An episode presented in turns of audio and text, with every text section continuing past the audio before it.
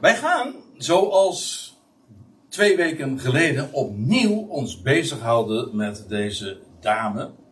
Die in de titel wat onvriendelijker wordt benoemd, namelijk als de hoer. Dat kan ik ook niet helpen. Zo noemt de Bijbel haar bij uh, nogal wat gelegenheden. En je zou zeggen dat dat een belediging is, zo in de eerste instantie, om iemand zo te benoemen. En de vorige keer hebben we trouwens toen uh, al eventjes aangestipt dat dat juist niet het geval is. Ragab de Hoeria. En het is deel 2 en dat betekent dat we voortborduren op wat we uh, al de vorige keer hebben gezien. Ik wil daar inderdaad nog eventjes wat uh, allerlei, allerlei dingen uitlichten. En ook voor degenen trouwens die daar toen niet bij waren, nog even wat voor het voetlicht brengen wat uh, daarbij erg van belang is om vast te houden. Want we gaan dit keer ons met name bezighouden met de keren dat zij in het Nieuwe Testament wordt vermeld. En dat is een drietal keren. En de vorige keer was het dus vooral de bespreking, of eigenlijk uitsluitend de bespreking vanuit Jozua 2, waar we de geschiedenis vinden. Nou, laten we nog eventjes wat, uh, wat dingen op, uh, op een rijtje zetten hoe het ook alweer was. In Jozua uh, lezen we de geschiedenis dat Jozua in feite het stokje overneemt van Mozes. Jozua gaat het volk overbrengen naar, ja, naar de andere kant. We shall overcome. En door de Jordaan gaan ze op de derde dag. Zo wordt en in Jozua 1 en in Jozua 3 vermeld. En de eerste stad die zij zouden aandoen, die dan, uh, nou ja, dat ging op een hele wonderlijke manier.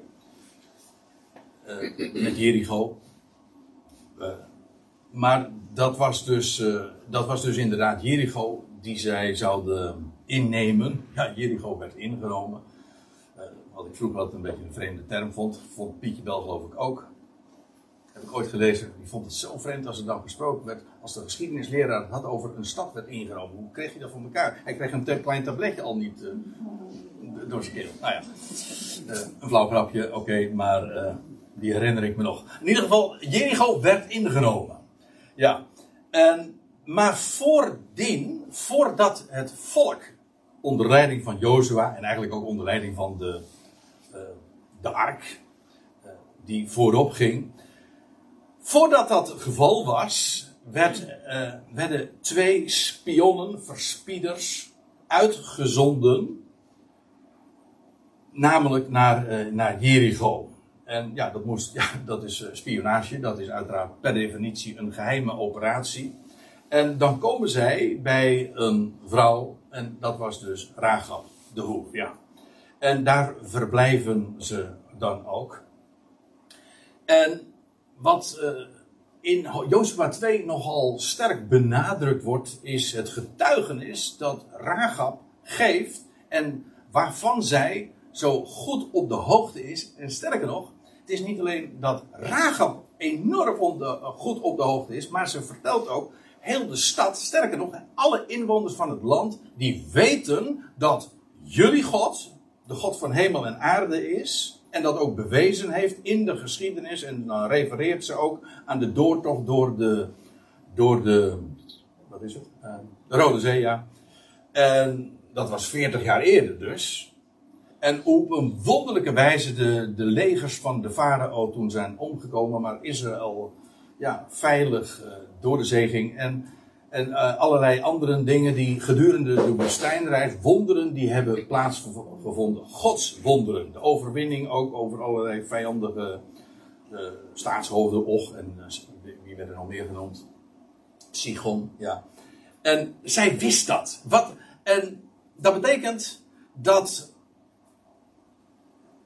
alle inwoners van het land wisten dit land, daar, zitten, daar wonen wij ten onrechte. God gaat dit land geven aan dit volk. Dat heeft hij gewoon al bewezen in de geschiedenis. En Ragab is diep onder de indruk. En sterker, ze zegt, uh, alle inwoners van het land vrezen. Uh, ja, jullie God, maar eigenlijk ook uh, dit volk. Want daar is geen kruid tegen opgewassen. Dat weet ze.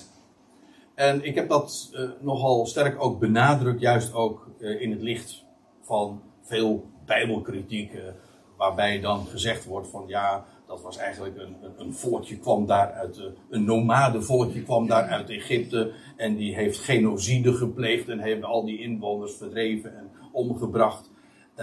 zo was het totaal. God bewees zijn kracht zijn aanwezigheid. Er waren toen, laat ik het zo zeggen dan, er waren geen atheïsten in die dagen. Nu, in de afgelopen 2000 jaar, is het zo anders. Want ja, God uh, geeft, uh, verbergt zijn aangezicht. Hij laat niets van zich blijken. Ja, dat hij er moet zijn, dat, begrijpen we allemaal. De meeste mensen nog. Tenzij het van, op school van afgeleerd is. En dat, zo gaat dat. Maar we begrijpen allemaal, hij is er wel, maar hij laat niks van zich blijken. En dat is al 2000 jaar het geval. Zodanig dat we zelfs denken van, nou ja, hij zal wel dood zijn. Dat zeggen ook theologen. De God is dood theologie. Ja, gekker kan je het niet verzinnen. Maar eh, Ragab wist dit. En alle inwoners van het land wisten dat. Van die godswonderen die er hadden plaatsgevonden in de afgelopen decennia.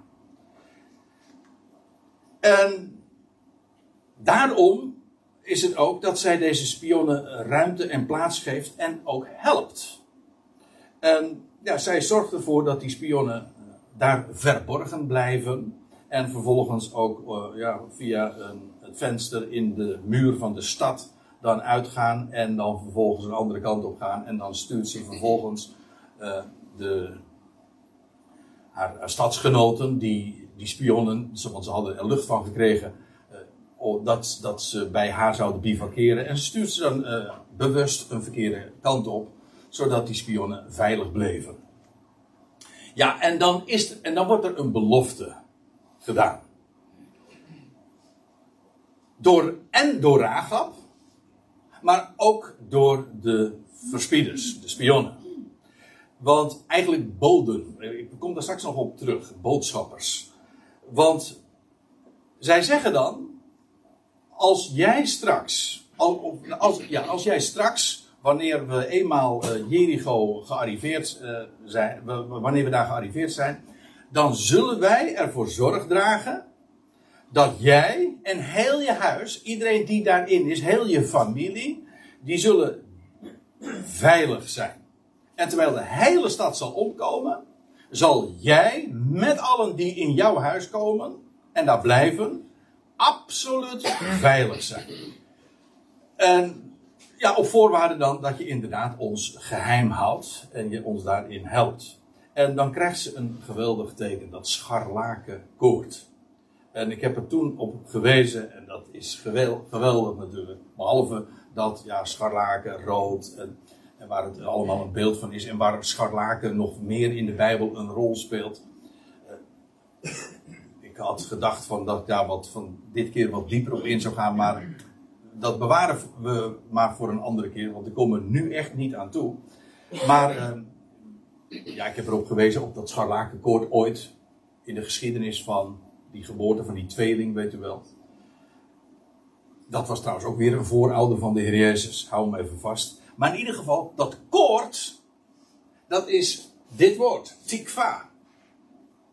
En als je dat met Hebreeuwse oren beluistert, dan gaat daar iets lichten, want dan weet je, hé, hey, tikva, ja, dat is een koord, maar het is de, het woord voor hoop. Ha, tikva, dat is het lied van, het volkslied van Israël, en dat betekent de hoop. En in feite wat dat koord is, een scharlakenkoord, ja, maar dat zij uit haar venster moest laten hangen, dat was een embleem van de hoop die ze van Gods wegen had ontvangen. En dat ja, een werk met ook een, uh, vast en solide was. Zij was ja, een vrouw van lichte zeden, een hoer. Ja, je kan er van alles van zeggen. Maar zij had hoop van Gods wegen ontvangen. En het embleem, het symbool daarvan, was dat koord dat uit haar venster hing. Prachtig beeld trouwens, want ja, als je hoop hebt, dan heb je uitzicht. Maar dat is precies wat een venster ook uitbeeldt. Toch? Dat je zicht hebt, dat je uitzicht hebt, dat je perspectief hebt. En zij, en zij had uitzicht op de, ja, op, dat is leuk eigenlijk. Ze woonde aan de poort, dus als, ja, ze woonde aan, aan de, ze had haar venster in, in de, de in de stadsmuur, ja, daar woonde zij dus. Maar uh, zij had dus uitzicht op buiten de legerplaats. Leuk hè? Als je er zo over nadenkt. Niet op Jericho had ze uitzicht, maar op dat wat daarbuiten was. Ja, niet op wat de wereld biedt, want daar is Jericho een beeld van. Die stad die zo diep gevallen was, ook daar hebben we bij stilgestaan. Nee, op wat daar buiten ligt. Want daar, daar gebeuren de echte belangrijke dingen. En als je hoop wil hebben, dan moet je inderdaad uh, niet in, naar binnen kijken. Nee, ja, ik bedoel, eh, in eh, de, heel dubbelzinnig. Maar dan moet je niet naar binnen kijken, niet in je eigen hart. Moet je ook niet naar mensen kijken. Nee, dan moet je je richten op, ja, op, op zijn woord en op dat wat buiten ligt. Ook inderdaad wel uh, buiten de box, om zo te zeggen. Het scharlakenkoord, ja. En uh, dan krijgt zij dus die belofte daar, in dat huis, waar dat, met dat venster en met die hoop en met dat koord, daar ligt de hoop. En die belofte wordt haar gegeven. Nou, dat is over in het kort de geschiedenis. Want de vervulling daarvan, daar houden we ons niet eens mee bezig. Want later in, uh, in Jozua komt dat dan ook nog aan, aan het licht. Dat Rahab inderdaad daadwerkelijk gered wordt. En als, uh, als uh, het volk dertien keer om de, de stad is heen getrokken. Zo is het voorzegd, zo was het beloofd en zo is het ook daadwerkelijk vervuld. Rahab is met haar hele huis dus gered. Waar ik ook op gewezen heb, en dat wil ik nog even uh, duidelijk naar voren brengen, is dat uh, deze twee dagen, het houdt me op de een of andere manier uh, de laatste tijd wel heel erg bezig. Maar op een of andere manier struikel ik er ook iedere keer over. die, die twee dagen en de derde dag. Want wat was het verhaal? En ik wil dat plaatje graag nog eventjes laten zien. Is dat de verspieders worden uitgezonden. En dan lees je over twee dagen. En op de derde dag vindt dan de doortocht door de Jordaan plaats. En ja, dus je, je struikelt ook weer in de wijze waarop dat beschreven wordt. Over de vermelding van die twee dagen en de derde dag. En gedurende die dagen, dus voorafgaand aan de derde dag, worden ja, Gods boden, boodschappers, verspieders, uitgezonden, maar zij zijn verborgen. Undercover. Ze zijn alles wat eh, er eigenlijk gedurende die dagen voor de derde dag plaatsvindt. Dit, deze dag symboliseert Israëls herstel. Dat Israël uit als natie uit de dood zal opstaan. Dat is dat derde millennium waarin ja, geweldige dingen gaan plaatsvinden. Vanmiddag spreek ik uh, in, uh, in Zeewolde. En dan, ja, dat is het onderwerp wat ik opgekregen had. Uh, mag ik spreken over de bruiloft te Cana. En dat was ook weer, ja, het zal wel toeval zijn, op de derde dag. Ja, nou ja, dat, dat zijn van die dingen die allemaal op de derde dag plaatsvinden. De derde dag symboliseert nieuw leven. En dat is voor Israël als natie ook het geval. Na twee millennia krijg je de derde dag en ja, eh, als er één thema is dat juist in onze dagen ook actueel is, dan is het wel dit. Te vermelden in welk tijdsgewricht wij leven.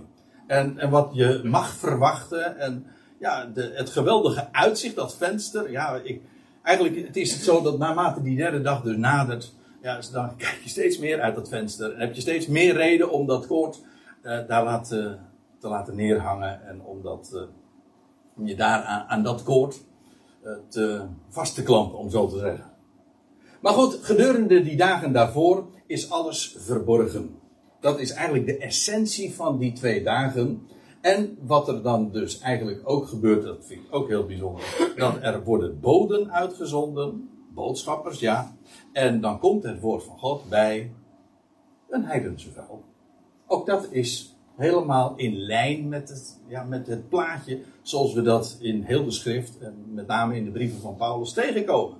Namelijk dat in onze dagen, nu Israël tijdelijk terzijde staat, Israël als natie dood is, twee dagen, en op de derde dag zal God hen herstellen en doen herleven. Gedurende die tijd die, daar, uh, ja, die daaraan vooraf gaat, die twee, millennia, uh, die wij nu, ja, wij zitten hier zeg maar, aan het einde.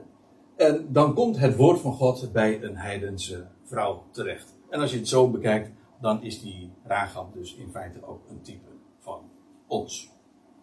Namelijk dat wat, Gods, wat God doet. Nu, en dat gaat helemaal dus niet over prestaties. Nee, dat gaat over uh, Gods genade.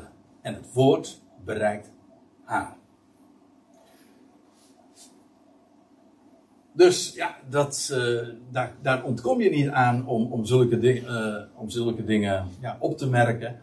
En, en, en dan zie je ook hoe geweldig de schriften zijn en hoe niet alleen maar dingen direct voorzegd worden, maar ook geïllustreerd worden in allerlei geschiedenissen. Dat kan zijn in rituelen, in bepaalde inzettingen die God geeft, of in, de, in, in zijn kalender, maar ook gewoon in, die, ja, in zo'n zonderschoolverhaal. Is, een, het is een klassieker, hè, Rahab.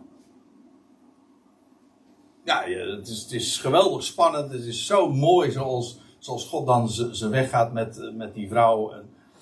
Kijk, wij kijken achteraf, maar reken maar dat het voor Rahab ook spannend is geweest. Om dat uh, alles te doen. Ze heeft heel wat geriskeerd ook trouwens. Dat zegt ze ook. Ik, ik, riskeer wel wat door jullie nu in huis op te nemen, want dit kan uh, voor mij dit betekenen dus. Dus heeft het gedaan. Ja. Je hebt geloof of je hebt het niet. Als hij het zegt, als Gods woord betrouwbaar en vast is, dan kun je er altijd van op aan. Dat is geweldig.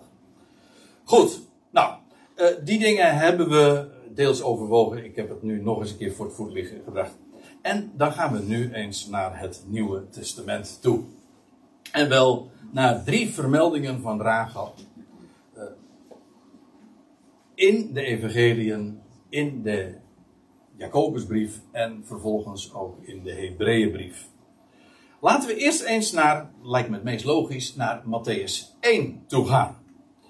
En daar hebben we een geslachtsregister, zo wordt dat genoemd. Eigenlijk is het meer een, een lijst van troonpretendenten. Hoe de troon en de kroon uiteindelijk bij de Messias terechtkomt via een heel ja, een, ja, een routekaart, zal ik maar zeggen. Drie keer veertien geslachten worden daar genoemd. Veertien is trouwens het getal van David.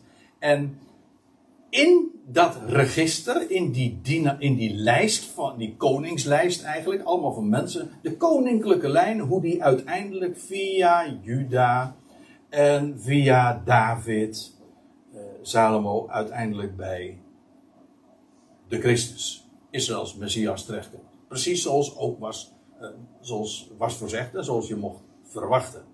En dan staat er in vers 5 van Matthäus 1, als al die namen genoemd worden, weet u wel, dat zijn van die passages die je, als je de Bijbel leest en voorleest aan tafel, dan, eh, dan passeer je die. Die, sla je over, want het is, eh, je struikelt soms over de uitspraak van namen. Dat, is dat kan al problematisch zijn. En het is ook, als je het niet onderzoekt, buitengewoon saai. Dat geldt voor heel veel Bijbelgedeelten. Die zijn saai om te lezen, maar je, de Bijbel is ook niet om te lezen. De Bijbel is om te onderzoeken. Onderzoekt de schriften. Want die zijn het die van mij getuigen. Daar gaat het om. En, en onderzoeken, dat betekent letterlijk ook dat je onder de oppervlakte zoekt. Het heeft inderdaad te maken met zoeken, met speuren, met ja, hoe zit het nou? En checken. Maar het, is altijd, het ligt onder de oppervlakte. Dan word je zulke dingen gewaar. Alleen bij oppervlakkige lezing ontgaat je dat. Enfin, eh, dan lees je in die lijst dus, in dat register, Salmon, nu verwekte Boas. Want dit is wel even een, ja, in zekere zin een problematisch gegeven. Maar uh, Salmon nu verwekte. Je lacht wel niet om mij, hè? Oké. Uh, Salmon nu verwekte Boas uit Ragab. Ja, mijn zoon is er nu niet bij, dus uh, ik kan uh, daar wel aan voorbij gaan nu. Maar Salmon verwekte Boas uit Ragab. En Boas nu verwekte Obed uit Rut. En Obed nu verwekte Isaïe. En nu uh, doet zich een probleempje voor. En dat is dat dit nooit uh, een vermelding kan zijn zonder weglating van schakels. Want uh, Salmon, nu verwekte Boas uit Ragab. Ja, maar in de praktijk betekent dat verwekte de voorvader van Boas. Dat was voor mij ook eventjes destijds uh, ja, wel een beetje schokkend. Maar bij nader inzien toch niet zo, want ja, eigenlijk in dat hele register. Kijk maar eens na in Matthäus 1, dat register. Uh, dat is een lijst van, ik zei al, troonpretendenten. En dat hoeft niet eens. Hoef, ik zeg dat hoeft niet eens een genealogische lijn te zijn. Of in ieder geval uh, een biologische lijn. Je vindt zelfs dat op een gegeven ogenblik gezegd wordt in verband met Jegonia en Shealtiel, dat hij zegt van de een verwekt die. Terwijl het, uh, terwijl het vervolgens, terwijl het zijn oom was, notabene. Nou, je, je verwekt niet je oom, hè? Nee, zo gaat dat niet. Nee, maar als het een lijst is van kroonpretendenten, wil dat wel zeggen, de een uh, die gewon en die de ander, namelijk bij wie waar, de, de rechten op de kroon en de troon overgaan. En dat kan inderdaad op die manier verlopen. En zo is dat bij Jegonia ook gegaan. Dus dat verwekken betekent, is maar niet alleen, heeft maar niet direct de betekenis van, uh, uh, nou ja, zoals wij dat zeggen, verwekken in de, zin, in de biologische zin van het woord, maar het betekent een, een troonpretendent uh, voortbrengen. Dat is een veel bredere term. Uh, dit klinkt wat ingewikkeld, maar laat ik het dan simpeler zeggen. Er staat je in vers 1, vers 1, in hoofdstuk 1, vers 1. Zo begint dus het Nieuwe Testament, heel triomfantelijk. Jezus Christus, de zoon van David, de zoon van Abraham. Daar kun je ook zeggen van, hoe, de zoon van David, hoezo de zoon van David? Daar zit, ik weet niet, daar zit, daar zit duizend jaar tussen. Dus hoezo de zoon van? Ja, en toch, de zoon betekent gewoon de erfgenaam. Dus hij is uiteindelijk ook, hoeveel schakels je ook weglaat, dan blijft het gewoon waar. Hij is en de zoon van David, en dus de rechthebber op de kroon, en alles wat David heeft nagelaten, en ook de zoon van Abraham, en dus de erfgenaam van wat aan Abraham is beloofd. Het zaad van Abraham. Oké, meestal is dat ook eh, eh, met de gedachte van dat iemand het zaad is van, hè, dus werkelijk ook eh, biologisch zeg maar voortgebracht. Maar dat hoeft niet het geval te zijn. In ieder geval, daar kunnen schakels weggelaten zijn. En er zijn meer voorbeelden in deze lijst. Waarbij bepaalde schakels weggelaten worden. Ik zal nog één voorbeeld geven. En dat is dat bepaalde goddeloze koningen. ook niet vermeld worden. En die, worden, die schakels worden gewoon overgeslagen. En dat is dan ook weer helemaal in overeenstemming met wat God had gezegd. Namelijk dat als een koning inderdaad eh, zou afwijken van de wegen van God en van zijn woord, dan zou zijn naam onder de hemel worden uitgedelgd. En, dat is, en dan vind je inderdaad de naam niet vermeld in dat register. En dat is dus volledig terecht. De naam wordt uitgedelgd. En dan wordt dus in feite gewoon geskipt. En om allerlei redenen kan dat dus. In ieder geval, Salomon verwekte uh, de voorvader van Boas. U zegt van ja, maar dan moet je eerst nog eventjes dat aantonen. Nou, laat ik eventjes dan het lijstje geven. Een tijdlijn. Kijk, ik heb de vorige keer ook al iets dergelijks even laten zien. Maar in het jaar 2500, gerekend vanaf Adam. In het jaar 2500 vond de uittocht uit Egypte plaats, de Exodus. 40 jaar later vond de intocht plaats. Dus daar zitten we nu eigenlijk in de geschiedenis van Rahab.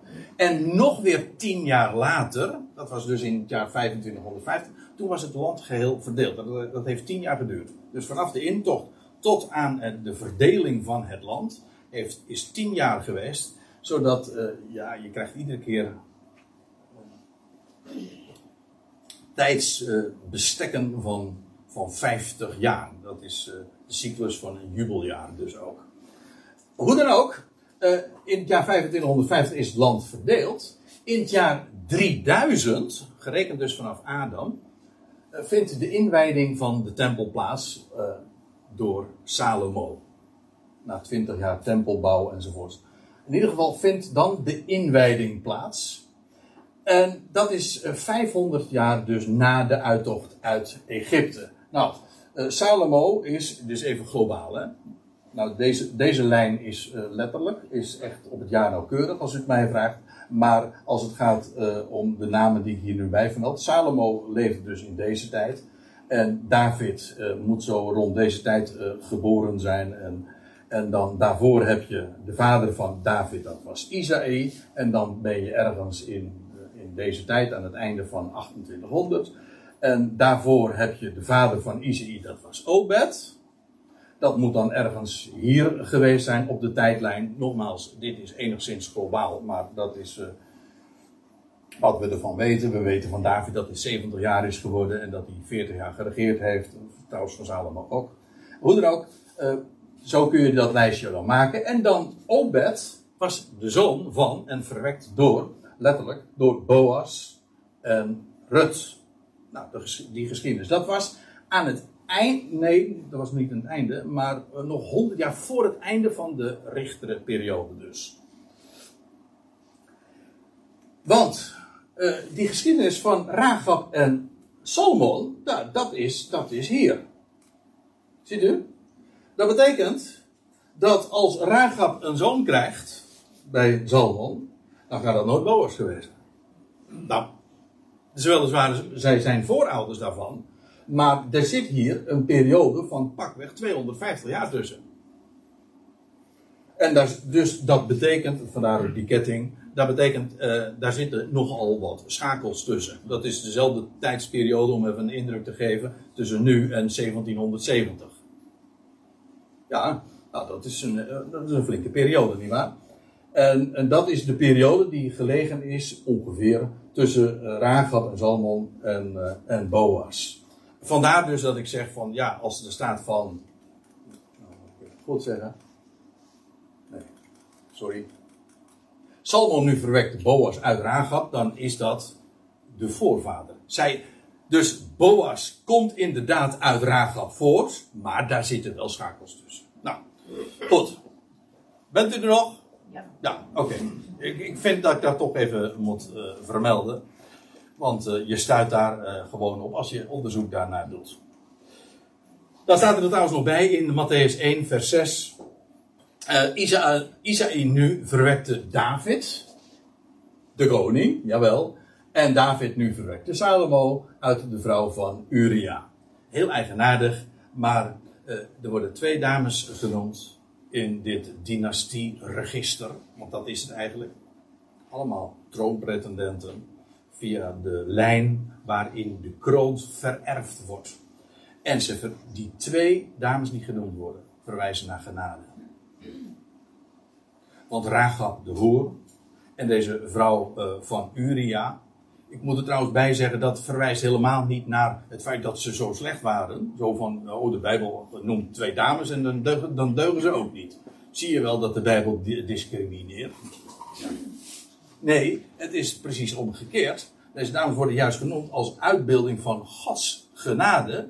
En trouwens, als we het hebben over de vrouw van Uria, dan ligt de schuld niet bij Batseba in de eerste plaats, maar bij David. Ja, hij was weliswaar voorbestemd om de koning te zijn, maar het is pure genade. En dat zie je dus ook in deze lijn. Het gaat allemaal uh, om de weg die God gaat. En ook door uh, daar worden dus schakels in genoemd waarvan je zegt, nou, zou ik die eigenlijk wel in mijn, in mijn stamboom willen hebben? Ja, God zegt ja, dat doe ik met opzet. Trouwens, dat geldt voor heel wat andere namen ook. Hij gebruikt dat en al die schakels zijn nodig.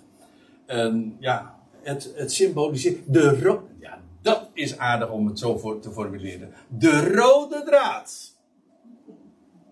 Door heel de schrift is dat scharlakenkoord. En de rode draad is inderdaad de draad, de lijn, de, het touw waar je aan van kan vastklempen. Waar, trouwens ook een anker aan verbonden is, de anker van hoop. Dat is pure genade. God geeft dat. God gaat zijn weg. En daarbij is hij totaal niet afhankelijk van de goede daden van een mens. En ja, dat, dat rode draad is uiteraard ook een embleem van, van verlossing. Van overwinning op de dood en feitelijk ook dat bloedrode draad. Dat is het. In ieder geval, meteen als we in Matthäus 1 de vermelding van Ragab vinden in dat register van kroonpretendenten, dan wordt Ragab met ere vermeld. En ze heeft een, zij is dus een directe voorouder ja, van Boas. En daarmee ook van David. En dus van Christus. Dan moet je in de lijn van de geslachten gaat, is God zo zijn weggegaan. En dat is eh, de wijze waarop het Nieuwe Testament zichzelf introduceert. Dit is de lijn. Eigenlijk wordt daarmee ook meteen de, het, uh, de, de link gelegd met heel de Hebreeuwse Bijbel. Ja, al, die, dat hele register dat refereert aan de schriften, aan de Hebreeuwse Bijbel, de Tenach. En zo ligt het verband. En zo is het gegaan. En zo is het uiteindelijk bij Yeshua gekomen. De Christus, de zoon van David, de zoon van Abraham. Nou, dat is Matthäus 1. Dan gaan we nu naar Jacobus 2. Ja. Want ook Jacobus maakt melding van deze Ragab. Wij zijn erg Paulus georiënteerd. In, uh, en daar hebben we goede redenen voor, want hij was de apostel van de natie. En hoe was het ook alweer met Jacobus? Ja, die richtte zich tot de twaalf stammen van Israël. Van Israël en niet tot de natieën al zodanig. En dus ja, deze brief, eh, die heeft in het verleden zijn functie gehad, gaat straks ook weer een hele prominente functie vervullen, zoals de brieven van Paulus dat in onze dagen doen. In deze twee dagen, ja. Maar goed, uh, neem niet weg dat al de schrift van God gegeven is en dus ook uh, in deze heel nuttig is om uh, daaraan herinnerd te worden. In Jacobus 2, daar vind je iets en dan begrijp je ook meteen waarom, waarom dat conflicteert, of in ieder geval heel ongemakkelijk voelt als je Paulus georiënteerd bent. Lees maar met me mee. Daar staat dan, uiteraard val ik midden in Jacobus betoog, dan zegt hij: Jullie zien dat een mens wordt gerechtvaardigd niet vanuit geloof alleen. Nou, breng mijn klomp. Laten we nou toch altijd gedacht hebben dat het sola fide is. Hè? Alleen geloof. En is dat ook niet wat Paulus dan uh, leert? Jazeker. Ja. Vandaar ook, weet, ik weet niet of u een beetje op de hoogte bent van de kerkgeschiedenis, maar van Luther lees je ook dat hem dit werd, voor de voeten werd geworpen. Luther had ontdekt van ja, het is geloof. Alleen, geloof alleen. Dat is een van de fundamenten van de reformatie ook geworden. En hem werd voor de voeten geworpen, maar ja, maar dat kan helemaal niet, uh, Luther. Want kijk eens wat er in Jacobus staat. Jacobus, uh, en Luther wist daar geen raad mee en die zei van, het is een strooien brief. Eigenlijk een brief van stro. Eigenlijk steek het maar in de hens. Ja, hoe die man ook tegelijkertijd kon zeggen, alleen de schrift, dat weet, dat weet ik dan weer niet. Maar hij was wel uh, vaak wat impulsief, zeg maar, in zijn uh, uitleggingen. Wel een kleurrijk man trouwens, dat wel.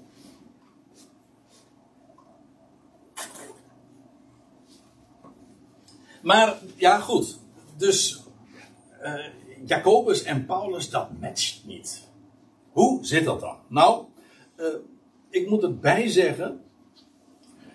Als je er wat nadere kennis van maakt, dan uh, meemaakt, dan blijkt dat de, het weliswaar een tegenstelling is die Jacobus en Paulus beschrijven, als je dat tegenover elkaar zet. Maar het is, tegenstelling wil nog niet zeggen dat het tegenstrijdig is.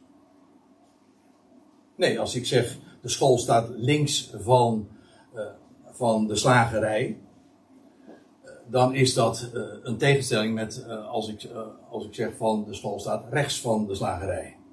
Maar dat hoeft niet tegenstrijdig te zijn, afhankelijk namelijk van de positie waar je je bevindt. Snapt u? Dus een tegenstelling, een contrast, hoeft nog niet per se conflicterend te zijn. En dat is bij Paulus en Jacobus, beiden zijn waar, maar beiden zijn waar in hun context. Gewoon in de samenhang waarin zij die dingen zeggen. Goed, Nou, het eerste wat ik erover zou willen zeggen, eh, want ja, als we het dan toch eh, hierover hebben, dan moet dat vermeld worden. Jacob Paulus refereert aan rechtvaardiging voor God. Paulus zegt bijvoorbeeld in Romeinen 4 uh, dat Abraham geloofde God en het werd hem tot rechtvaardigheid gerekend. Abraham was een rechtvaardige. Waarom? Omdat God had gezegd van zo zal jouw nageslacht zijn, als de sterren van de hemel. En Abraham zei amen. En God zegt, uh, God rekende Abraham voor, tot een rechtvaardige. Jij bent een rechtvaardige. Jij zegt amen op wat ik om niet onvoorwaardelijk beloof. Dat is een gelovige. En dat is ook een rechtvaardige. Ja, maar dat is waar. Jacobus refereert aan rechtvaardiging in de praktijk en ook als bewijs voor mensen. En dat is een, dat is een ander perspectief. Het ene perspectief is zoals God het benadert. God ziet het hart aan en hij zag geloof bij Abraham. Ja, maar hoe weet je nu als mens in de praktijk dat Abraham een rechtvaardige was? Nou, dus de ene lijn, ja, omdat God dat zo gezegd heeft, dat is oké. maar hoe, hoe weet je, hoe zie je dat nou? Hoe zie je dat in de praktijk?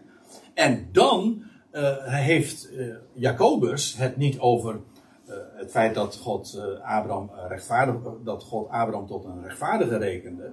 Dan zegt hij van nee, maar hij heeft het bewezen, want hij heeft zijn zoon, dat was natuurlijk 25, 30 jaar later, heeft hij zijn zoon Isaac geofferd. Daar op de berg Moria. Hij bewees het. Hij geloofde God. Maar hij heeft zelfs, notabene, God had gezegd van, via Isaac zal van nageslacht voor u gesproken worden. Dus hij wist, Isaac is de zoon van de belofte. En dan moet ik Isaac gaan offeren, ten brandoffer gaan brengen. Maar Abraham wist. Ik, dat zei hij ook tegen die gasten met, die, met hem meegereisd waren toen hij het ging offeren. Hij zegt, uh, tot als wij weer bij jullie terugkeren. Dat was op de derde dag trouwens, ook op de derde dag, jazeker. Uh, als wij weer bij jullie terugkeren uh, nou ja, dan. Wij. Hij wist gewoon, ik kom straks weer met Isaac terug.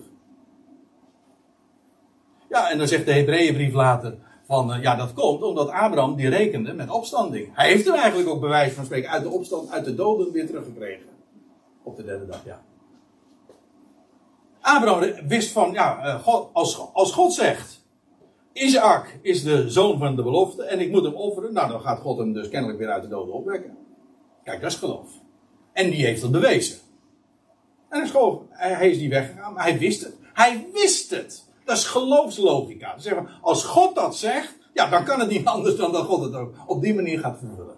En dat vind ik geweldig. En hij heeft het inderdaad bewezen. En vandaar ook dat Jacobus dat voorbeeld geeft van het offer van Isaac. Dat was een bewijs waarin de praktijk ook bleek en aangetoond werd dat, dat Abraham daadwerkelijk geloofde.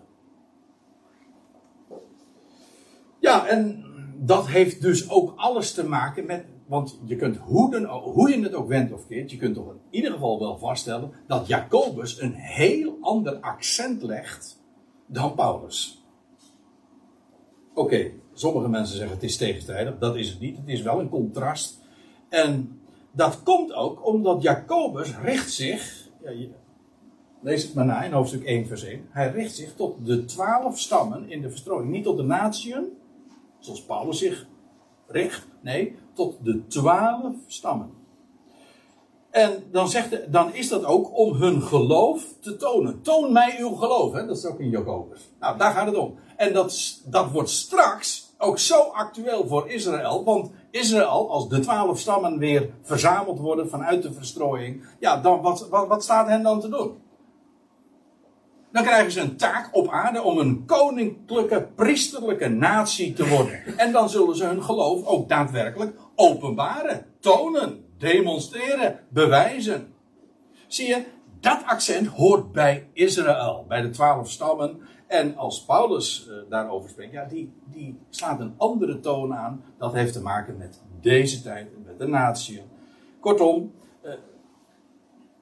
als hij zegt van jullie zien dat, dat niet vanuit geloof alleen, dan heeft dat met zulke dingen allemaal te maken. Nou, nou kom ik bij Jacobus, want, of pardon, bij Ragab. En evenzo ook niet, is evenzo ook niet Ragab, dus evenzo, dus net als uh, Abraham, is evenzo ook niet Ragab, de hoer, heb je het weer, Rahab de hoer, vanuit werken gerechtvaardigd.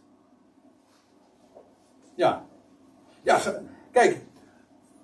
Rahab geloofde God en het woord wat tot haar kwam. Maar het was levend geloof. En dus werkte dat woord in haar uit. Dat is logisch. Levend geloof wil zeggen dat je gelooft het. En omdat je het echt gelooft. Niet zeggen, het zal wel. Nee, levend geloof wil zeggen, je gelooft het van harte. Ja, werkt dat uit? Heeft dat een uitwerking in je leven? Absoluut. Dat kan niet missen. Anders is, zit het niet hier. Kijk, als, ik, uh, als, er nou iemand hier uh, gealarmeerd uh, de, de, de, zaal binnenkomt en zegt van, het huis, of dit gebouw staat in de fik, wegwezen. En, en je zegt, ja dat, ja, dat geloof ik. En je blijft hier gewoon staan. Nou, geloof ik dus niet. Ik bedoel, op het moment dat je zegt dat je dat gelooft, dan heeft dat een uitwerking logischerwijs in je leven. Dat kan niet anders. Niet omdat dat moet, dat kan niet anders. Zo, en Rahab geloofde. En, eh, en zij heeft dat inderdaad ook bewezen. Ja, toen zij de boodschappers gastvrij ontving. En ik refereerde hier al even eerder aan eh, dat ze hier genoemd worden de boodschappers. Letterlijk, in het Grieks staat het gewoon angelos. En dat is gewoon het, het gewone woord voor engelen. Ze hier dus. Uh, dit woord wordt vrijwel altijd, als het in het Nieuw Testament gebezigd wordt. Behalve hier dan, maar in de MBG-vertaling wordt het gewoon vertaald met engelen. Dus uh, ja, Ragab die nam dus engelen in haar huis op, gastvrij. Waren er dan geen mensen? Jawel, maar een mens kan ook een engel zijn. Dat wist je toch, hè? ja.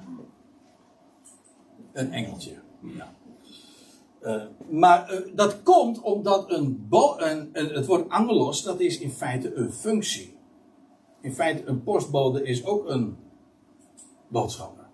Hij brengt namelijk een boodschap over. Dat is wat een, het woordje angelos betekent. Het is een functie ja, die verwijst naar ja, wat je doet. En dat is wat, precies ook wat de verspieders waren. Hier worden ze dus niet spionnen of verspieders genoemd. Dat waren ze wel. Maar hier worden ze boden genoemd. Engelen worden ze genoemd. Waarom? Ze droegen een boodschap met zich mee. En die boodschap die moest komen bij die heidense vrouw. En dat was het woord van God. Is mooi dat ze hier inderdaad de boodschappers genoemd worden. Want daarin zit meteen gelegen dat zij kwamen met een woord, namelijk van Gods wegen. En Ragab heeft dat vernomen en ook naar waarheid erkend. En zij heeft ze gastvrij ontvangen en via een andere weg uh, uitgeworpen, zo staat het letterlijk, weg, weggestuurd. En dat betekent dus, zij verborg ze. Dat is wat ze deed. En dan uh, eindigt Jacobus uh, vervolgens, als hij dit voorbeeld gegeven heeft van Rahab de Hoort, dan zegt hij, dat ja, zoals het lichaam zonder geest een dode is, dan is de geest eruit, dan, is, dan heb je de geest gegeven, en dan is, ja, wat is het lichaam dan? Ja, gewoon een dode. Nou zegt Paulus, zo is, of nee, Paulus niet, uh, Jacobus, zo is ook het geloof zonder werken een dode. Als het geloof niets uitwerkt, dan is dat een uitwijzing, aanwijzing dat er gewoon geen geloof in zit. Levend geloof is uh, waar Jacobus over spreekt. En als je het zo bekijkt, dan is de tegenstelling tussen Jacobus en Paulus veel minder groot dan je misschien op het eerste gezicht zou denken. Ik geef toe, het is een contrast. Het zijn duidelijke accentverschillen. Waarvan akte? De doelgroep is ook anders. En toch, ook bij Paulus zie je altijd weer van, ja, geloof werkt uit. Natuurlijk. Want dat is de kracht namelijk van het woord. En dat is wat uh, Jacobus dus vooral ook benadrukt. Nou, dan komen we tenslotte nog bij Jacobus, nee, bij Hebreeën 11. En daar heb ik de vorige keer al even op gewezen en ik moet het nu in, uh, in deze setting alsnog even vermelden. En dat is uh, Hebreeën 11, vers 31. U weet het, Hebreeën 11. Dat geweldige hoofdstuk waarin namen allemaal genoemd worden. Mensen die in hun dagen leefden uit geloof. En dat, begint, dat rijtje begint met, met Abel. En dat begint en dan met Henoch en met Noach en met Abraham en met Sarah. Nou ja, noem maar op Allemaal mensen die het verschil maakten. En wat is het verschil? Nou, iedere keer, want het, dat is het grote, dat is de rode draad in Hebreeën 11, dat is door geloof. En dan zijn we toch weer terug bij af. Hè? Namelijk, het was geloof. Oké, bewezen geloof. Daar gaat het hier ook over. Maar het is geloof. En wat is geloof? Nou, is precies wat er in de Vandalen ook staat. Ik geef toe, om te weten wat een Bijbelwoord is, dan moet je natuurlijk niet in Vandalen kijken, maar moet de schrift zichzelf laten uitleggen. Maar het is volkomen in overeenstemming met wat wij ook weten van geloof. Geloof wil zeggen, je gelooft een mededeling die uh, gedaan wordt. Dat wil zeggen, er wordt een mededeling gedaan en jij beaamt dat. Je houdt dat voor waar. Ik geloof dat. En het hele leven staat bol van geloof. Hè? Je krijgt een, iets te horen en je zegt, ja, ik geloof dat. Ja, u gelooft het niet. Ja, wat, wat geloof je wel en wat geloof je niet? Dat is tegenwoordig een heel groot, tegenwoordig helemaal een groot probleem aan het worden. Wat is fake en wat is echt? Is knap lastig verhaal. Maar goed, eh, ik bedoel maar te zeggen, dat hou je voor waar. Nou, dat is wat Ragab door. In feite is het is ook helemaal geen prestatie. Het feit dat je iets voor waar houdt, of niet voor waar houdt, ja. Je, in feite, we zeggen ook, en dat is terecht, geloof is vertrouwen. Je, je houdt iets voor waar en je zegt, daar stel ik mijn vertrouwen op. Daar ga ik op af. En is dat een prestatie? Dat ik een woord geloof en een ander woord niet geloof? Nee, dat is, het is wat het is. Weet u? Geloof, we hadden het in de auto er net nog over. Geloof is een geschenk.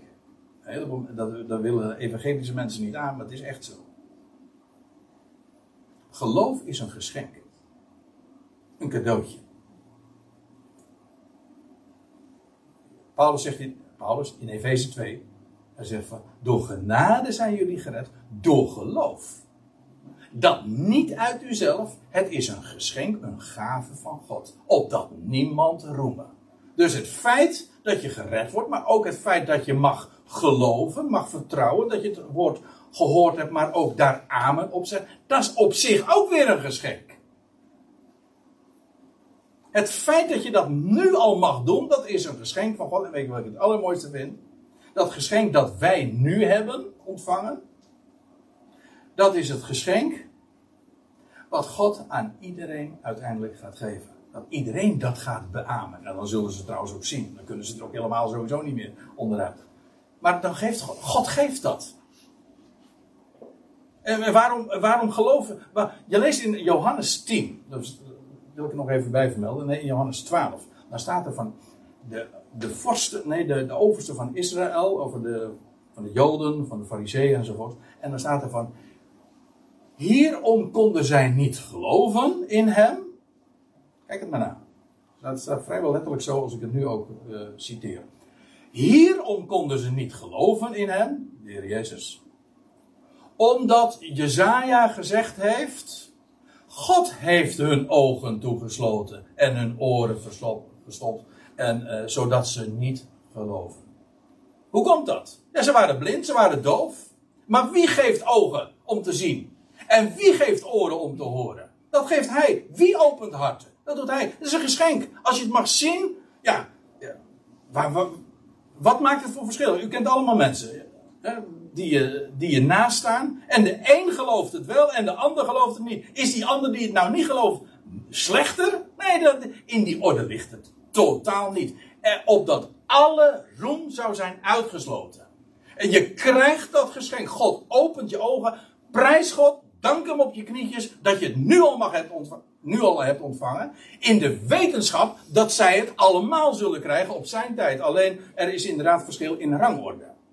Iedereen komt. Iedereen gaat eraan geloven. Ja, iedereen gaat eraan geloven. En wij geloven er nou al aan. Ja, hij heeft ons op de knieën gedaan. Dat is, dat is echt een cadeau, een. Nou, Rahab uh, geloofde. Door geloof kwam Rahab de hoer niet om met de ongezeggelijken. Ja, ze worden zo genoemd. Waarom? Omdat de inwoners van uh, Jericho, die wisten ook van Gods daden. Ik, eerder hadden we het er al even van. Die wisten dat ook wel. Maar weten dat iets zo is, is wat anders dan ook daadwerkelijk je vertrouwen erop te stellen. En Rahab geloofde. En ik weet het, dat kun je van twee kanten benaderen.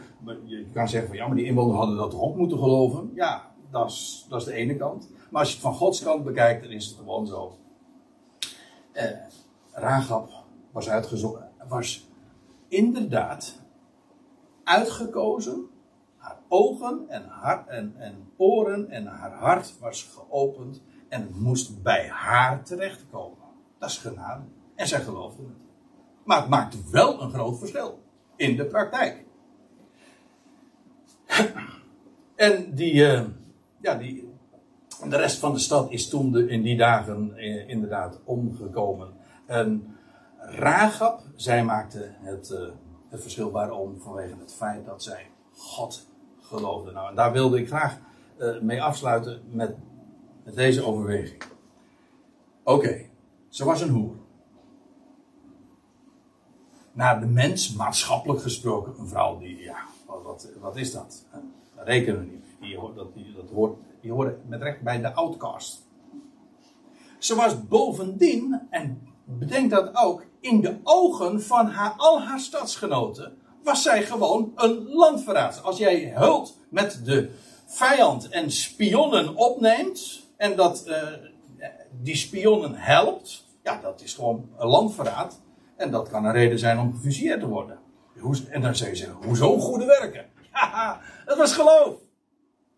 Ze geloofden God. En dat is, het, dat is het grote verschil. Als je gelooft in zijn woord, als, als je mag geloven in zijn woord, ja, dan valt je zo'n enorm voorrecht een deel. Maar daar kom je ook never nooit beschaamd mee uit. En dat is wat de geschiedenis van Raagap eh, demonstreert. God is heeft Ragab uitgekozen. En God heeft, zij is zijn weggegaan met Ragab. En Ragab is op die wijze ook zelfs, uh, heeft een eervolle vermelding gekregen in dat register uh, van uh, Jezus de Christus, Israëls Messias. Nou, daar wilde ik het voor vandaag bij laten.